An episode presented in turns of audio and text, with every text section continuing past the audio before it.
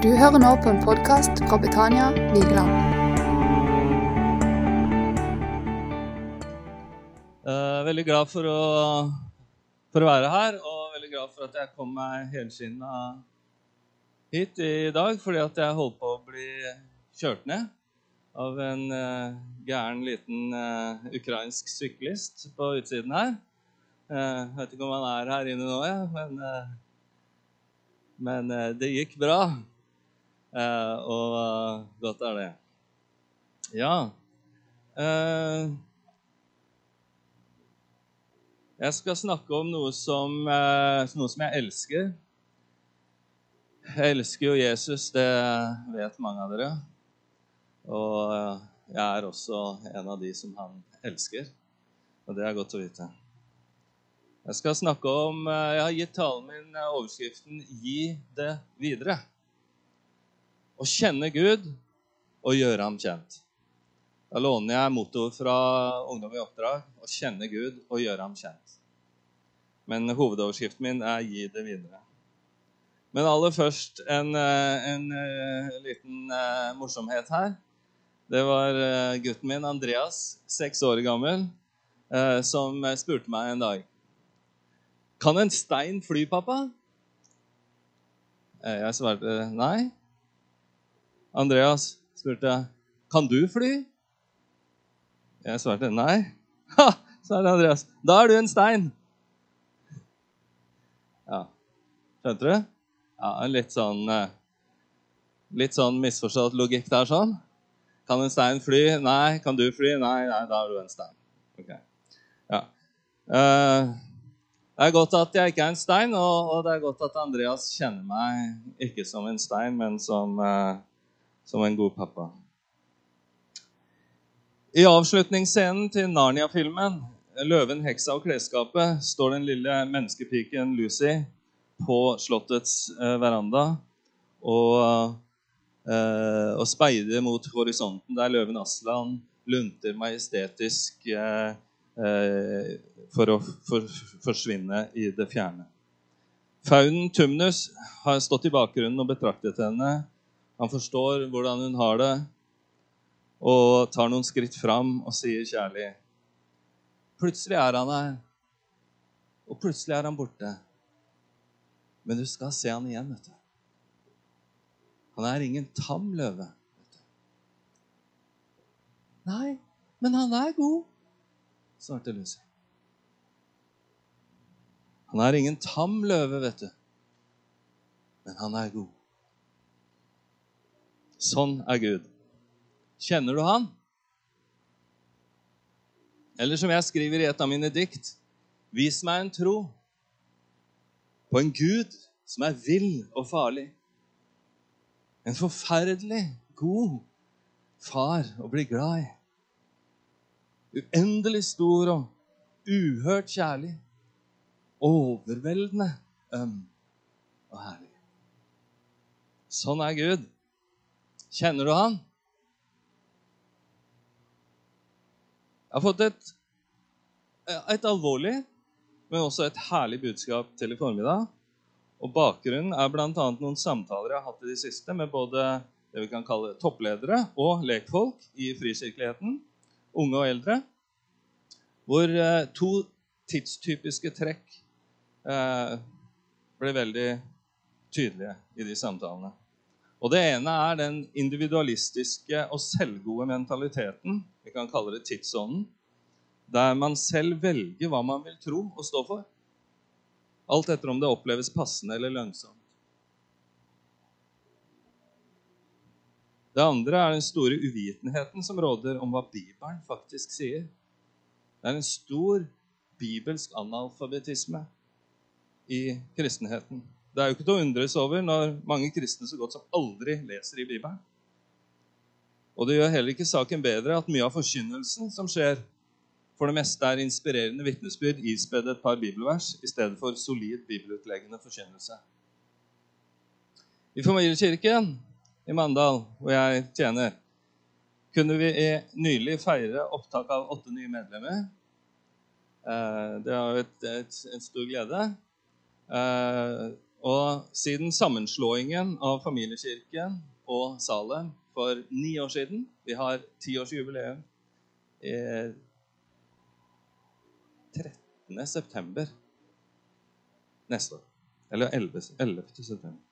Ja, Siden sammenslåingen så har vi lagt til 100 nye medlemmer i familiekirken. Så det er mye å være glad for. Men i den forbindelse, da når vi nylig skulle feire opptak av fire nye medlemmer, så, nei, åtte, så eh, tenkte jeg at det ville være passende å løfte fram trosgrunnlaget og visjonen vår. Både som oppfriskning og opplysning for gamle og nye medlemmer. Eh, under forberedelsene så trakk imidlertid ånden meg i en annen retning. Eller det vil si ikke i en annen retning, men enda videre og enda dypere. Dette som jeg nå har fortalt, er bakgrunnen for formiddagens tale, som jeg har kalt 'Gi det videre' og kjenne Gud og gjøre ham kjent. Håper det er greit. Vi leser i, uh, i 2. Tim 2.1-2. Uh, der skriver Paulus til Timoteus.: Det du har hørt av meg i mange vitners nærvær, overgi det til trofaste mennesker som også er i stand til å lære andre.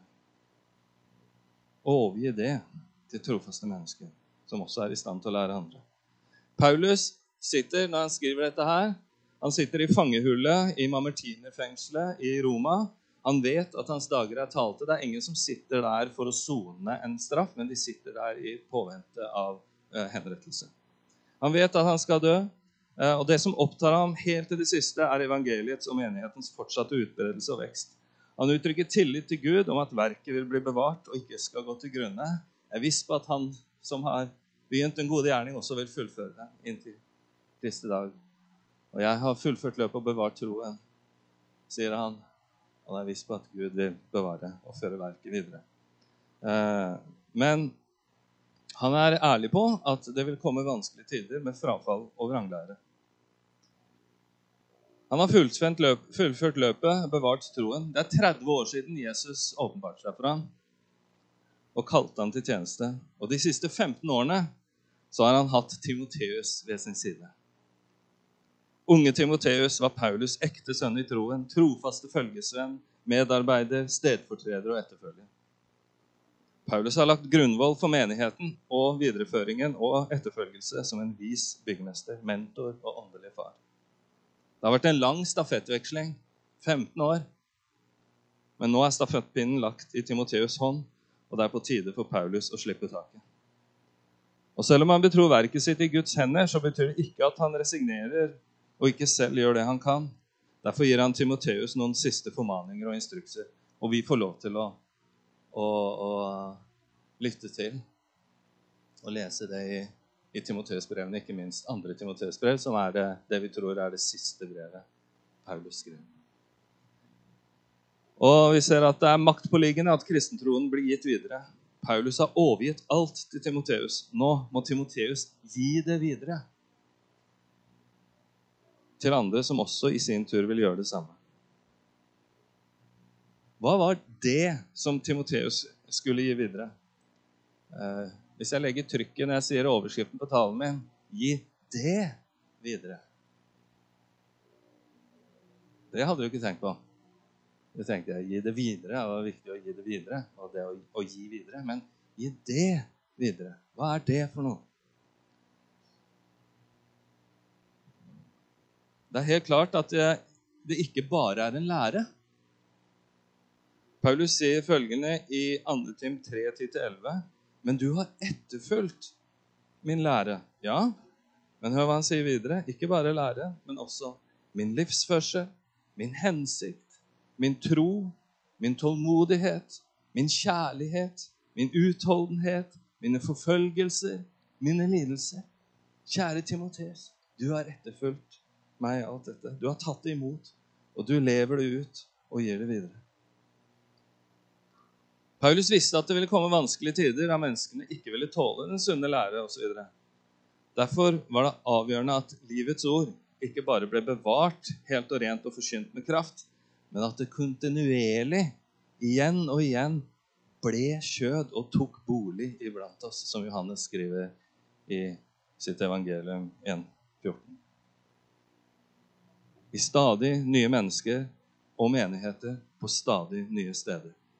At ordet blir kjød og flytter inn i nabolaget. Det er helt avgjørende at troen ikke bare hviler i blekk, men også banker i blod, for å sitere et annet av mine dikt. Timoteus skulle ikke bare forkynne med ord, men med hele sitt liv, sin karakter og sin atferd. Som Johannes også skriver i 1. Johannes 3,18.: La oss ikke elske med ord eller med tunge, men i gjerning og sannhet. Gi akt på deg selv og på læren, skrev han. For når du gjør det, skal du frelse både deg selv og de som hører deg. Du skal se på deg selv og livet du lever, som evangeliets blekk og papir. Timotheus. Målet er ikke at du skal overføre informasjon og kunnskap, men liv. Og skal du overføre liv til andre, så må du eie det og leve det. Gir det mening? Henger dere med? Det evangeliet handler om og sikter mot, er liv. Ikke bare liv fra Gud, men liv med Gud. Liv i fellesskap. Ikke upersonlig kunnskap, men personlig kjennskap og fortrolig relasjon. Faktisk så bruker Bibelen det greske ordet 'ginosko' å kjenne om den mest intime foreningen som er mulig mellom mann og kvinne i ekteskapet, nemlig samleie. Å kjenne. Så personlig. Og det handler om å kjenne Gud og gjøre ham kjent. Det er viktig å bringe budskapet videre og bevare budskapet rent og rett. Men budskapet er ikke målet, men middelet. Budskapet har et innhold og en hensikt. Ordene formidler og skaper noe helt bestemt. Og det er det, og det er der skatten ligger. Selvsagt er flybilletten viktig, men den kan ikke erstatte selve destinasjonen. Du er ikke fornøyd bare med å ha fått flybilletten til eh, Granca. Og så liksom Yes! Og så sitter du og koser deg med den. Nei, du skal dit. ikke sant? Det er jo destinasjonen som er greia. Men billetten er viktig, men destinasjonen kan ikke erstatte destinasjonen. Og selvsagt er Bibelen viktig, men ikke for sin egen skyld. Den er viktig fordi den gjør det mulig for oss å komme i rett relasjon til Gud og få evig liv. Og selvsagt er troen viktig av nettopp samme grunn. For den gir oss muligheten til å komme i rett relasjon til Gud og få evig liv. Hva er de tre viktigste tingene i livet ditt? De tre viktigste tingene i livet ditt. Jeg håper at troen er en av dem. Jeg håper troen er viktig for deg. At den er verdt å bevare, bekjenne, utvikle og prioritere. Jeg håper du som er ung, har troen øverst på lista over krav til en mulig ektefelle. Øverst. Ja, men han må jo ha en inntekt. Han må ha jobb og god utdannelse. Han må jo være kjekk. Han må være, ha kule tattiser. Og Ja, han må være snill. Ja, alt det der. Men han må ha troen på førsteplass. Han må elske Jesus høyere enn deg.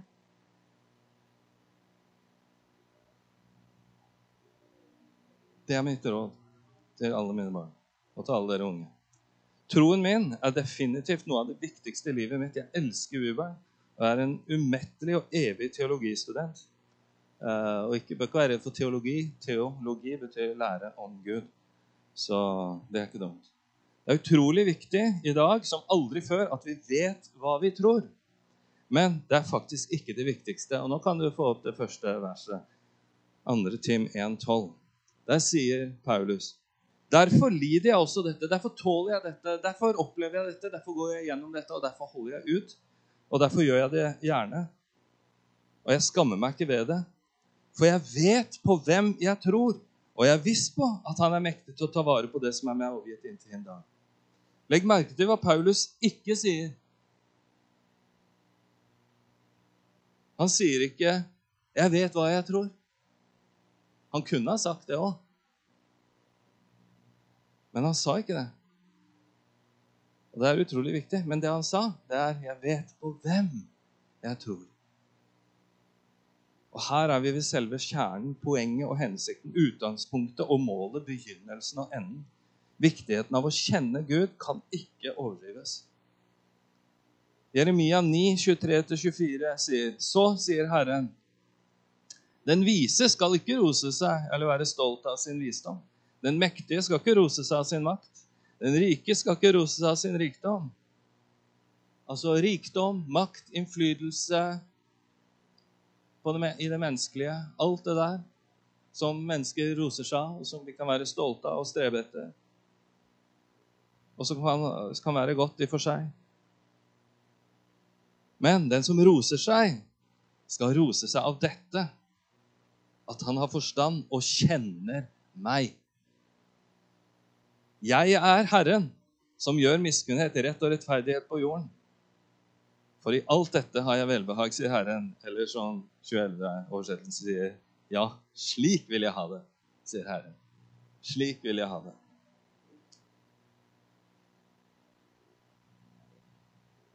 Ordspråkene 9-10 sier at frykt for Herren er begynnelsen til visdom.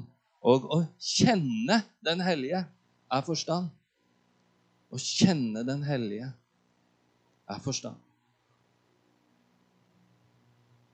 Når vi kjenner Gud og har det liksom som det primære eh, i vår bevissthet og i vår, i vår livsanskuelse, i vårt liv, i våre motiver, så, så vil det prege alt annet. Og du vil sette alt annet på rett plass. Jeg kunne ha stått her med skjorta, med skjorte, og så kunne jeg med vilje Jeg har gjort det noen ganger. Knept den feil. Sånn at jeg har liksom Den første knappen er rykka et hull ned. Og så ser det jo helt teit ut, ikke sant? og så ødelegger jeg jo hele halve talen til de som sitter og ser på, for de klarer jo ikke å tenke på noe annet enn den dusten som står der og knept skjorta feil. Men poenget er det at hvis den første knappen ikke kommer i det første knapphullet, så blir alt annet feil. Men hvis den første knappen kommer i det første knapphullet, så blir alt rent. Den første knappen er Gud, og det første knapphullet er vårt hjerte. Så frykt for Herren er begynnelsen til visdom, og kjenne Den hellige er forstand. Ikke lev livet ditt uten visdom. Vet du hva visdom er for noe? Definisjonen av visdom? Det er rett an, evnen til å anvende kunnskapen rett. Du kan vite alt mulig, men hvis du ikke har visdom, så bruker du kunnskapen feil. Visdommen er, er utrolig viktig å ha med. Å kjenne Den hellige forstand og frykt for Herren er begynnelsen til visdom. Salmen 9,10 sier de som kjenner ditt navn Det kan du få opp. De som kjenner ditt navn, skal sette sin lit til deg. Eller som det står her Skal vi se hva står det her? Nei, men, nei det er feil. Salme 9,10. Står det sånn der? Ja, da må vi bare ta det bort. Da. Det er feil henvisning. De som kjenner ditt navn, skal sette sin lit til deg. Ok. Er det en befaling? At hvis du er en troende, hvis du er en av de som kjenner Gud, da, da skal du, da må du, da, da har du vær så god å å sette sin lit til Gud. Nei, det er jo et løfte, eller det er jo en årsak og virkning. Altså, Hvis du kjenner Gud, så vil du stole på ham.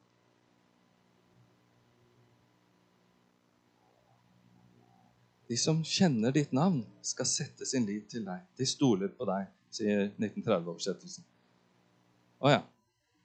9.11. Ja, så bra. For du, Herre, har ikke forlatt dem som søker deg. Ja. Merk her at uh, ditt navn uh, er synonymt med, med, deg. Navnet representerer personen. Gud selv og alt han er og gjør, kan og eier.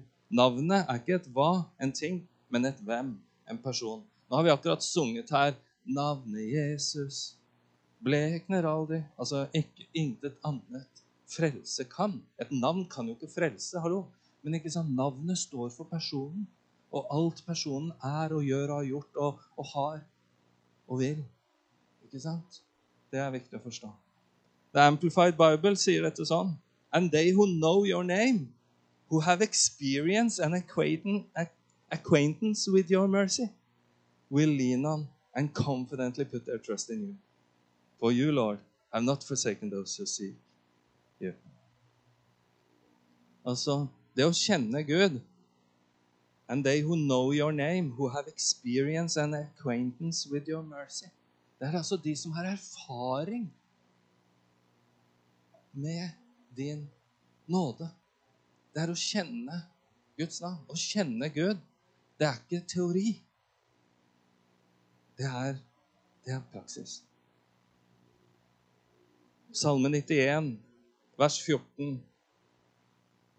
Ja, Vi skal ikke ta meg tid til å lese det. Der kan du bare notere. Der står også om viktigheten av å kjenne Hans navn.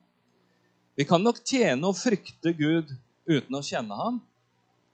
Det kan vi. Det er mange som gjør det.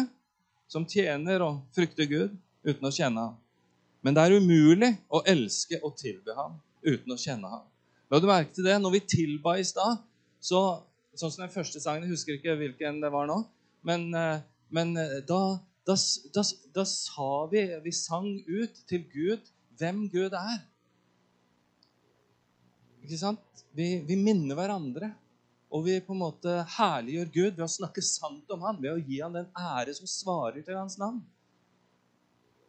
Du kan ikke tilbe Gud og så si masse feil ting om ham. Det er derfor noen ganger så skurrer det sånn i meg.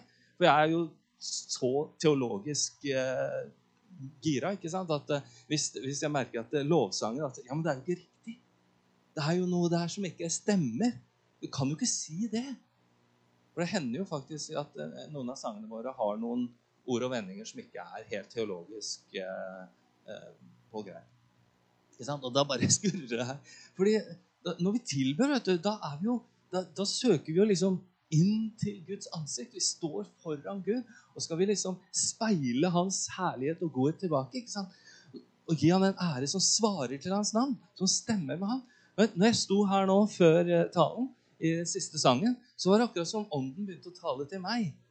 Og, og det var noe som, Nå er jeg helt ute av prekenkassa her, men det som, det som, kom til meg, det var, det var dette her at, eh, at uh, her står vi og lovsynger. Og det gjør de i himmelen også. Er du klar over det? Himmelen er full av lovsang. Og jeg kan love deg at i himmelen foran Guds trone der er det ikke noe feil. Der er det ikke noe som skurrer i lovsangen. Nå var det ikke det som, noe som skurra her heller. Men eh, det som eh, på en måte ånden talte til meg, da, det var minna meg om Fader vår. For der ber vi Fader vår, du som er i himmelen. Når vi har sagt det om Gud, den første strofen i bønnen, da, da sier vi bare 'du som er'. Hva da? Jo, i himmelen, hva betyr det? Jo, det, det liksom favner alt. Det Det betyr at han er fullkommen, at han er evig, at han er uh, uh, uh, Altså at han er bare herlig, ikke sant? At han er i himmelen. Da kan du, på, en måte, på den knaggen kan du henge alt mulig herlig om Gud. At han er i himmelen. Men så står det videre Fader vår, du som er i himmelen, la ditt navn holdes hellig. La ditt rike komme, og la din vilje skje. De tre tingene der. Og så kommer det på jorden sånn som i himmelen. Da tenkte jeg plutselig at ja, men på jorden som i himmelen, det gjelder jo alle de tre forrige satsene. La ditt navn holdes hellig, la ditt rike komme, og la din vilje skje. På jorden sånn som i himmelen. Ikke, ikke bare det siste. Det er ikke bare viljen som skal skje på jorden som i himmelen, men navnet skal helliges, og riket skal komme, og, og uh, hans vilje skal skje. Så da, da tenkte jeg at uh, der jeg sto i stad, at wow, dette er jo helt rått. At, at det er noe på jorden som er helt i synk med himmelen. Nemlig tilbedelsen. Og, og når, vi, når, vi, snakker sant om Gud, da gjør vi det samme som de gjør i himmelen. Sånn at vi kunne vi, kan, kan, du skjønne? For det er jo så mye forvirring på jorda. Det er så mye løgn og mørke. Det er så mye som skjer her som ikke stemmer med himmelen. Men så er det noe på jorda som, som er ett med himmelen. Ja. Vi kan tjene ham. Nei, Vi kan nok tjene ham og frykte ham uten å kjenne ham, men det er umulig å elske og tilby ham uten å kjenne ham. For skal vi elske og tilby ham, så må vi, må vi kjenne ham og, og, og, snakke sant om ham. Vi kan tjene ham av gale motiver og på måter som han ikke har behag i. Og vi kan frykte ham fordi vi har et galt bilde av ham og ikke forstår hvem eller hva slags Gud han egentlig er, og hva han venter av oss. Men skal vi elske og tilbe ham, så må det skje i ånd og sannhet. som Johannes sa i, i kapittel 4 i Johannes evangeliet, eller Jesus sa. Det er umulig å tro, dvs. Si stole på av hjertet, og være oppriktig glad i, anerkjenne og sette pris på en vi ikke kjenner. Er du ikke enig? Hvis du virkelig stå, Ja, men er han til å stole på? Ja, jeg veit ikke helt. Jeg kjenner han ikke. Ikke sant? Det er jo sånn vi har det i våre menneskelige relasjoner. ikke sant? Ja, men Tør du å gå med han? Tør du å sitte på med han?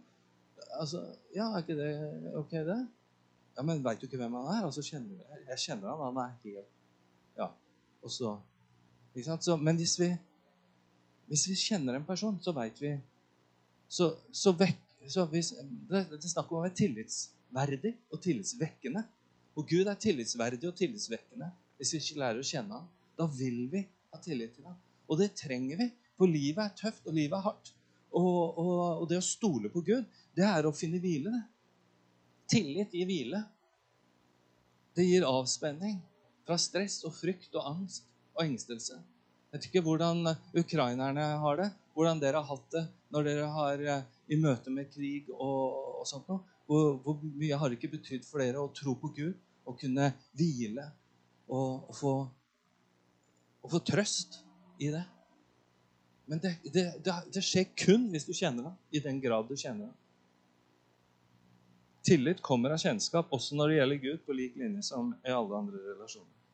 Salme 144, 15 sier 'Velsignet er det folk som har det slik'. Ja, det skjønner vi jo. Salig, høyeste form for lykke, folkens, er det folk som har Herren som sin Gud. Ja, hvem er din Gud? Har du Herren som, som din Gud? Altså, Det fins mange andre guder. Det fins mange vrengebilder av Gud. Men har du Herren som din, din Gud, da er du salig, og da er du velsigna. Er ikke det fint? Daniel 11,32 sier at dem som synder mot pakten, lokker ham til frafall. Dette er liksom syndens menneske som stiller opp avgudsstøtter uh, og sånn. Og det er fullt av avguder i verden også. Uh, men uh, han lokker dem til frafall med glatte ord. Men de av folket som kjenner sin Gud, skal stå fast og holde ut. Ja. Så det å kjenne Gud gir deg styrke, mot og utholdenhet i møte med, med fristelse, prøvelse, motgang, press. Så det er mitt beste råd til både unge og eldre iblant oss. Det er Invester i å kjenne Gud. Lær han å kjenne. Og ikke teori, men dypt personlig. Og Det betyr ikke ja, må jeg ha en sånn opplevelse, må jeg ha en sånn opplevelse, skal jeg reise, eh, oppsøke vekkelser rundt omkring i verden for å få en berøring og få gåsehud på ryggen. Er det, er det sånn opplevelse du snakker om? Nei, jeg snakker om det at du at uh, Hvis du skal bli virkelig kjent med en person Jeg tenkte, tenkte på dette her forrige dagen. At uh, ja, så bare la vedkommende bo i, i, huset ditt mens du er på ferie. Det, når jeg gikk på jordbruksskole, så lot jeg kompisene mine bo i leiligheten min i Oslo. Jeg gikk på jordbruksskole i Aurland. Og når jeg kom tilbake eh, etter en skoleår, så var huset, leiligheten, bomba. Er klart, altså, Greie folk de, de eh, fikser jo opp etter seg. Ja, men det sier jo noe om dem. da. Men det jeg ville si med det, er det at hvis du skal bli kjent med noen, så må du slippe dem inn i ditt liv. Du må se hvordan, hvordan er de når du åpner deg. Ikke, ikke forvent at de skal åpne seg for at du skal bli kjent med dem. Men åpne deg, du, for dem. Så får du se hva som bor i dem. Hvordan møter de din smerte? Hvordan møter de din glede? Gleder de seg med de glade og gråter med de gråtende? Hvordan er de? Du lærer de å kjenne ved at du åpner deg. Og det gjelder også i livet med Gud. Hvis vi skal lære Gud å kjenne, så må vi åpne oss for Gud. Han har åpna seg for oss. Altså, han har og, og, og, hver gang vi åpner Bibelen, så åpner Gud seg for oss. ikke sant? Så det er jo helt fantastisk. Og, og når Jesus uh, eh, åpna sin favn på korset, så åpna han jo himmelen for oss. Gud har åpna. Gud har åpen. Men, så det er ikke det. Men hvis vi skal lære å kjenne han, så må vi åpne oss for han. Og la han få komme i møte med, med oss. ikke sant? Det er da vi lærer å kjenne hva som bor i ham. Hallo, er det sånn du er, Gud? Ja. Gir det mening? Kjenner du han? Ja. Det folket som kjenner sin Gud, skal stå fast og holde ut Og det trengs i vår tid. Amen. Det unike med israelsfolket, den enorme rikdommen de skulle velsigne verden med, lyset de skulle bringe ut til verdens mørke, var nettopp kunnskapen om og livet de hadde sammen med den eneste sanne og levende Gud. Det var jo det de skulle bringe. De var utvalgte. Gud hadde kommet for å bo iblant dem. Og så skulle de leve da sammen med Gud, og så skulle de være et lys for nasjonene. Hør, hør hvordan Gud eh, snakker om, eh, om, folket sitt. Han sier, 'Jeg vil forlove meg med deg i troskap, og du skal kjenne Herren.' Jeg vil forlove meg med deg. Det er så ømt, og det er så nært, og det er så fortrolig. Gud vil forlove seg med folket sitt. Derfor sier Hosea også i kapittel 6, vers 3.: Så la oss lære å kjenne Herren. La oss søke med iver å lære ham å kjenne. Hans oppgang er så viss som morgenrøden, og han kommer til oss som regn, som et senregn som hveter jorden. Dette her er Gud ønsker det. Gud ønsker at vi skal kjenne ham. Hosea 6,6.: For jeg har lyst til kjærlighet og ikke til slakteoffer, til Guds kunnskap mer enn brennoffer.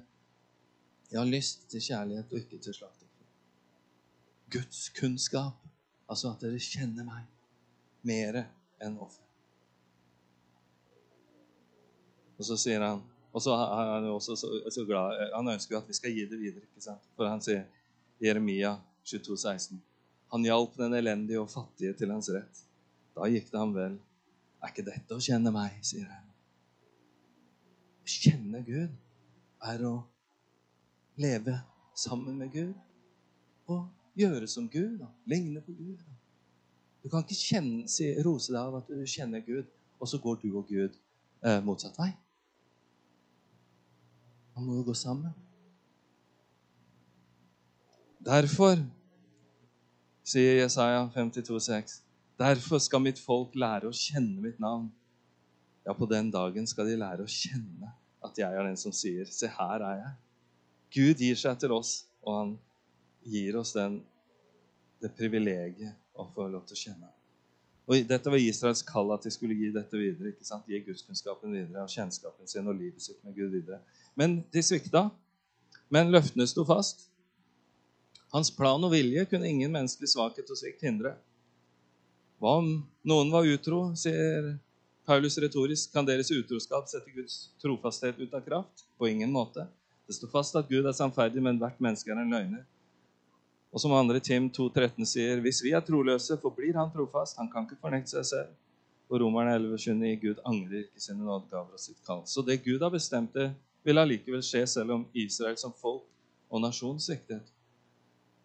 Om ikke Og, og Gud, Guds vilje kom til å skje, om ikke av Israel som nasjon, så likevel gjennom israelsfolket, nemlig i og gjennom Israels lovede Messias. Jesus kom som, som representant for Israel. Han var deres stedfortreder. Han var Israel i egen person. Og Jesus gjorde alene det Israel kollektivt skulle ha gjort som folk og nasjon. Men Jesus gjorde det. Og da han hadde fullført soningen for Israels synder og våre synder, vi som er så heldige å ha fått del i det, eh, på korset, så ropte han triumferende med sin siste pust Tetelestai, det er fullbrakt. Og Derfor kunne han ved avslutningen av Johannes' åpenbaring også si det er skjedd, jeg er alfa og omega, begynnelsen av enden.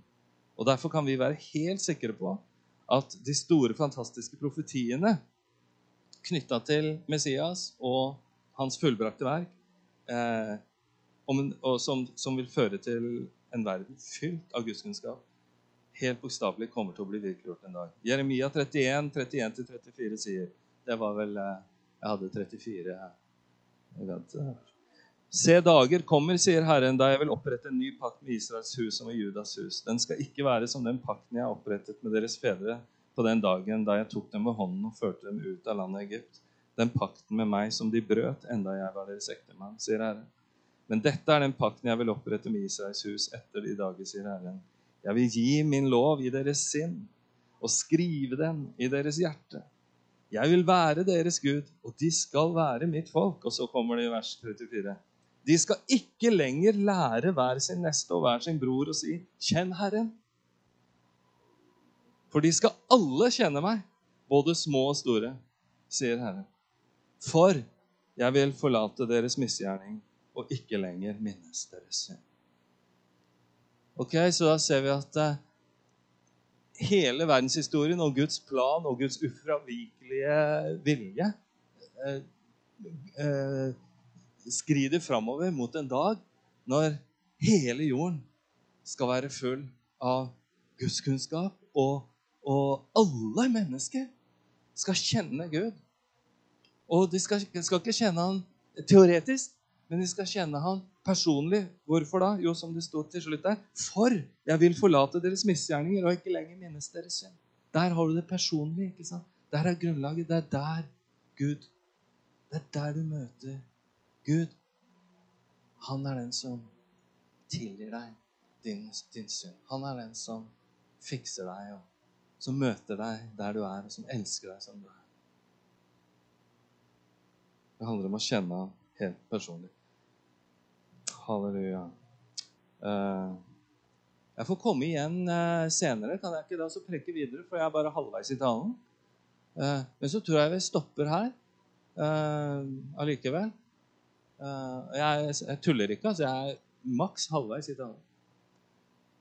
Men halleluja, tenk at vi kan få kjenne Han. Er, ja, jeg, jeg vil avslutte med et uh, dikt, da. Det som jeg har skrevet, som jeg ikke har uh, sitert ennå. Som, uh, som sier noe om, om dette her. Det viktigste, nemlig.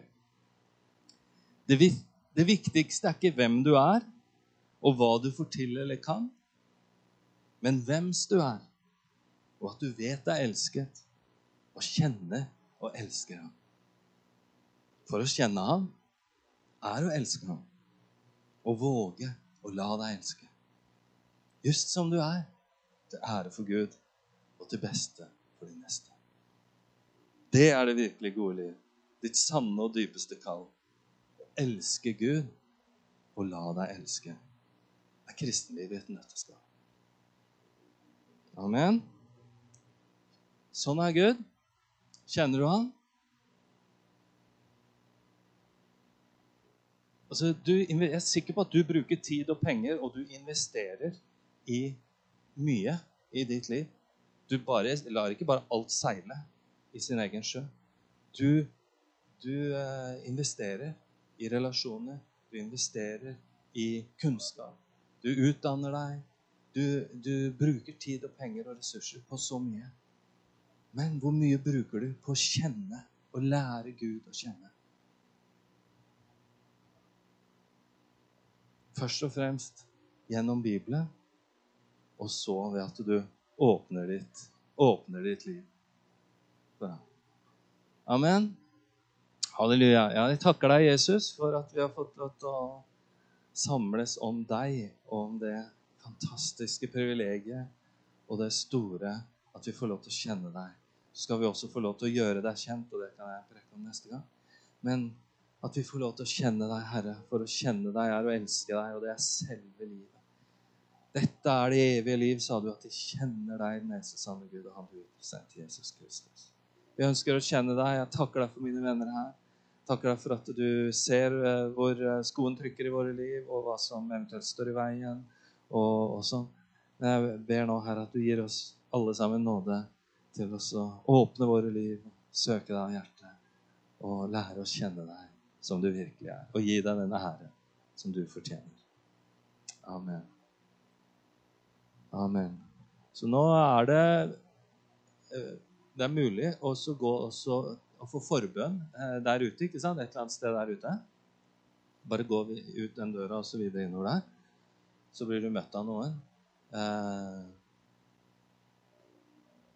ja, det, er, det, er, godt å bli bedt for, og det er godt å bli velsigna.